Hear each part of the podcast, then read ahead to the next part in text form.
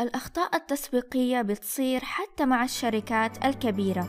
أهلا في الحلقة 28 من بودكاست نورة تدون واللي بيركز على التسويق والإدارة. هنا ثمانية أمثلة على شركات جابت العيد في تسويقها لمنتجاتها. أول مثال شركة ماكدونالدز اللي حاولت تستخدم العاطفة في أحد إعلاناتها في بريطانيا. في الإعلان كان في ولد صغير بيسأل أمه كيف كان أبوه المتوفي فكانت الأم بتوصف الأب لولدها والولد كان جدا حزين لأنه ما في أي حاجة مشتركة بينه وبين أبوه المتوفي لا في اللبس ولا في الهوايات ولا حتى لون العيون. وكل حاجة تقولها الأم عن الأب كان الولد عكسه تماما. إلين ما وصلوا الماكدونالدز جلسوا على الطاولة مع طلبهم وفتح الولد علبة البرجر اللي كان فيليه وقالت له الأم هذا كان البرجر المفضل عند أبوك كيف كان موقف الناس من هذا الإعلان؟ قالوا إنه إعلان جارح في استغلال لمشاعر الأطفال اللي فقدوا آبائهم وجت عليه شكاوي كثيرة وبعد أسبوع من عرض هذا الإعلان حذفته ماكدونالدز على الرغم من أنه العاطفة مهمة وتأثر على قرارات المستهلكين إلا أنه تنفيذ ماكدونالدز للإعلان كان سيء. يعني تجربة فقد أحد الأحباب ما بتتماشى مع برجر قيمته دولار وربع مهما كان لذيذ أو أي منتج كان لأنه ما رح يساعد الشخص في حزنه. خصوصا للأطفال هذا فيه استغلال لمشاعرهم. فكمسوقين ضروري تتأكدوا من نوع المشاعر اللي بتحاولوا تبرزوها وتتأكدوا إذا كانت بتتوافق مع منتجاتكم أو خدماتكم. ثاني مثال شركة بيبسي. لما توسعت الشركة في الصين كان شعارها بيبسي عيدك للحياة يعني ينعشك يعطيك طاقة. لكن العبارة ترجمت لحاجة زي بيبسي ترجع لك أجدادك من القبر. يعني العبارة بالنسبة للصينيين انفهمت بطريقة مختلفة تماما عن الشعار اللي كانت تهدف له بيبسي. هنا ضروري كمسوقين خصوصا عند عمل حملة إعلانية في بلد ثاني أو حتى منطقة ثانية مختلفة في البلد اللي أنتوا فيه مهم إنكم تسألوا السكان الأصليين عن العبارة اللي بتحطوها في الإعلان ومفهوم الإعلان إذا كان بيتماشى مع ثقافتهم أو لا. ثالث مثال شركة راتنر للمجوهرات. في عام 1984 ميلادي بعد وفاة الرئيس أتولى ابنه جيرالد راتنر إدارة الشركة. ساعد جيرالد في أنه المجوهرات تشترى بشكل مستمر كأنها منتج استهلاكي بدل ما يتم شراءها فقط في الأعياد والمناسبات. استراتيجيته كانت البيع بسعر أقل من المنافسين ولكن بكميات أكبر. ازدهرت الشركة ونجحت بشكل كبير بعد ما تولى جيرالد إدارتها. وفي عام 1991 ميلادي جاءته دعوة من أحد المعاهد المشهورة في بريطانيا حتى يلقي كلمة في المؤتمر السنوي الخاص بالمعهد. وعشان يكسر ملل الخطابات الرسمية قرر إنه يقول نكتة صدمت الكل وكلفت الشركة الملايين وسرحت بسببها عدد كبير من الموظفين. خلال الخطاب قال جيرالد إنه الناس بتتساءل كيف نبيع المجوهرات بسعر رخيص؟ والسبب هو إنه جودتها رديئة. تخيلوا قال عن المنتجات اللي بيبيعها رديئة وقال إنها أرخص من سندويش الجمبري لكن سندويش الجمبري ممكن إنه يعيش فترة أطول من هذه المجوهرات. طبعا كانت مجرد مسحة لكن جيرالد ما استوعب أثرها غير اليوم الثاني لما انتشر الخبر في الجرايد. وقاطعوا العملاء متجر المجوهرات راتنر وانخفضت المبيعات بشكل ملحوظ. صارت الشركة عليها ديون واضطرت تبيع أصولها واستقال جيرالد من منصبه. حتى صار في مصطلح باسمه do a Ratner ويستخدم لما المدراء التنفيذيين في الشركة يتكلموا عن ال brand أو العملاء بشكل سيء ويجيبوا العيد. طبعا إذا أنتوا كمسوقين ما أنتوا مقتنعين بمنتجاتكم فهل حتتوقعوا أنه العملاء يثقوا فيكم ويتقبلوا الشيء اللي أنتوا بتبيعوه؟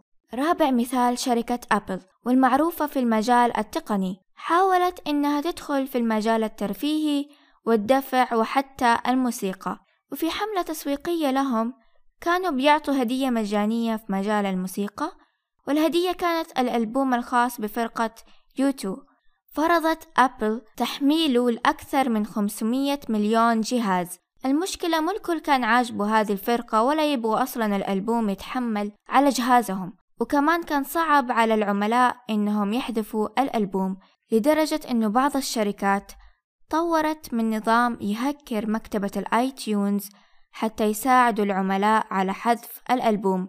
ونتيجة لذلك خسرت أبل 100 مليون دولار على الأقل وفقا لصحيفة نيويورك تايمز ونتعلم من هذا الخطأ كمسوقين إنه ما نفرض منتجاتنا وخدماتنا على العملاء.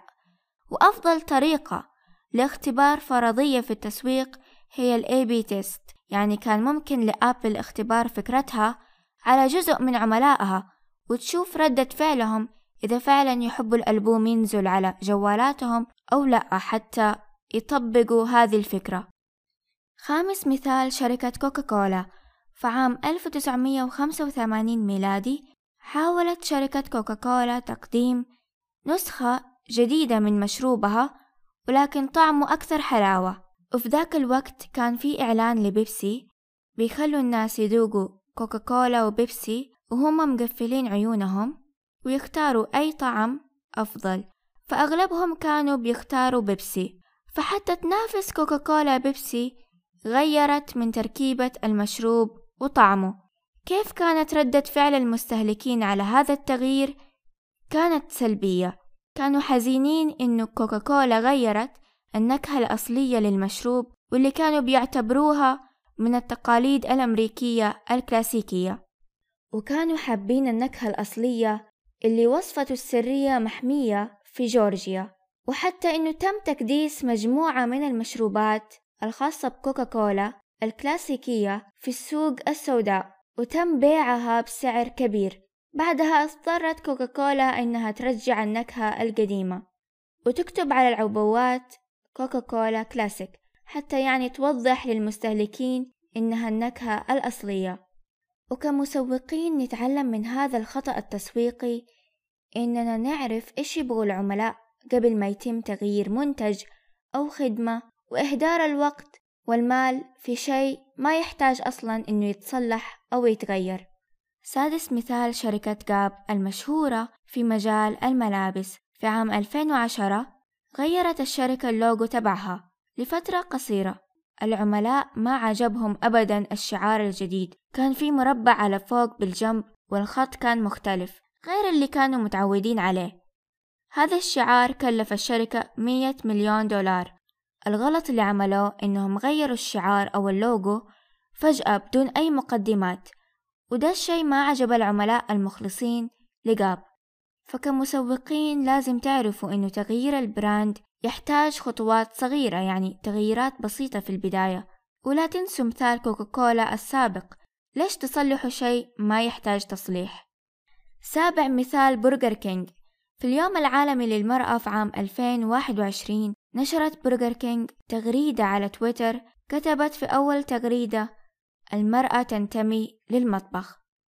بعدها أرسلوا تغريدتين فقط إذا أردنا ذلك بالطبع مع تفاصيل برنامجهم اللي عبارة عن منح دراسية لمساعدة المرأة في الحصول على شهادة في فنون الطهي وتقليص الفجوة بين الجنسين في قطاع المطاعم. كان الهدف من التغريدة الأولى هي جذب انتباه العملاء والتغريدتين اللي بعدها تفاصيل وشرح أكثر عن التغريدة الأولى. جت لبرجر كينج ردود عنيفة كلها سلبية والجمهور شافوا إنه كان ممكن لبرجر كينج إنهم يجمعوا كل هذا الكلام في تغريدة واحدة بدل ما يفصلوها ويستخدموا هذه العبارات المثيرة للجدل. طبعا برجر كينج حذفت التغريدات ونشرت تغريدة تعتذر فيها.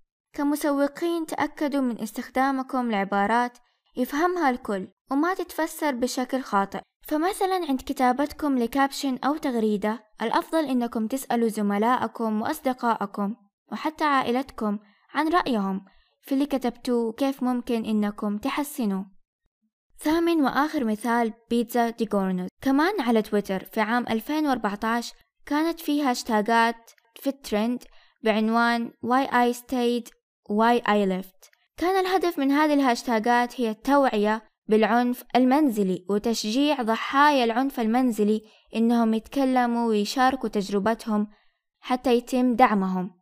هنا شركة البيتزا استخدمته وكتبت هاشتاج Why I stayed you had pizza طبعا جاتهم موجة من التعليقات السيئة والعنيفة إنه كيف تستخدموا هذا الهاشتاج عشان منتجكم؟ كأنكم بتقولوا إنكم بتبقوا في علاقة مسيئة بس عشان البيتزا. فشركة البيتزا بعدها نزلت تغريدة تعتذر فيها واعترفت إنها ما قرأت الهاشتاج قبل ما تنشر التغريدة. فكمسوقين ممكن تتعلموا من هذا الخطأ إنكم تقرأوا الهاشتاجات ومحتواها إذا بتستخدموها. ومو كل هاشتاج في الترند بيكون مناسب إنكم تستخدموه لعلامتكم التجارية. لازم تعرفوا فئتكم المستهدفة جمهوركم وإذا كان الهاشتاج مناسب لهم أو لأ.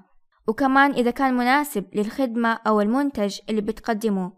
وفي الختام أتعلموا من هذه الأخطاء اللي حتى الشركات الكبيرة وقعت فيها. إذا عندكم أمثلة ثانية اكتبوها في التعليقات. ولا تنسوا تعملوا لايك واشتراك بالقناة. وشكرا لكم.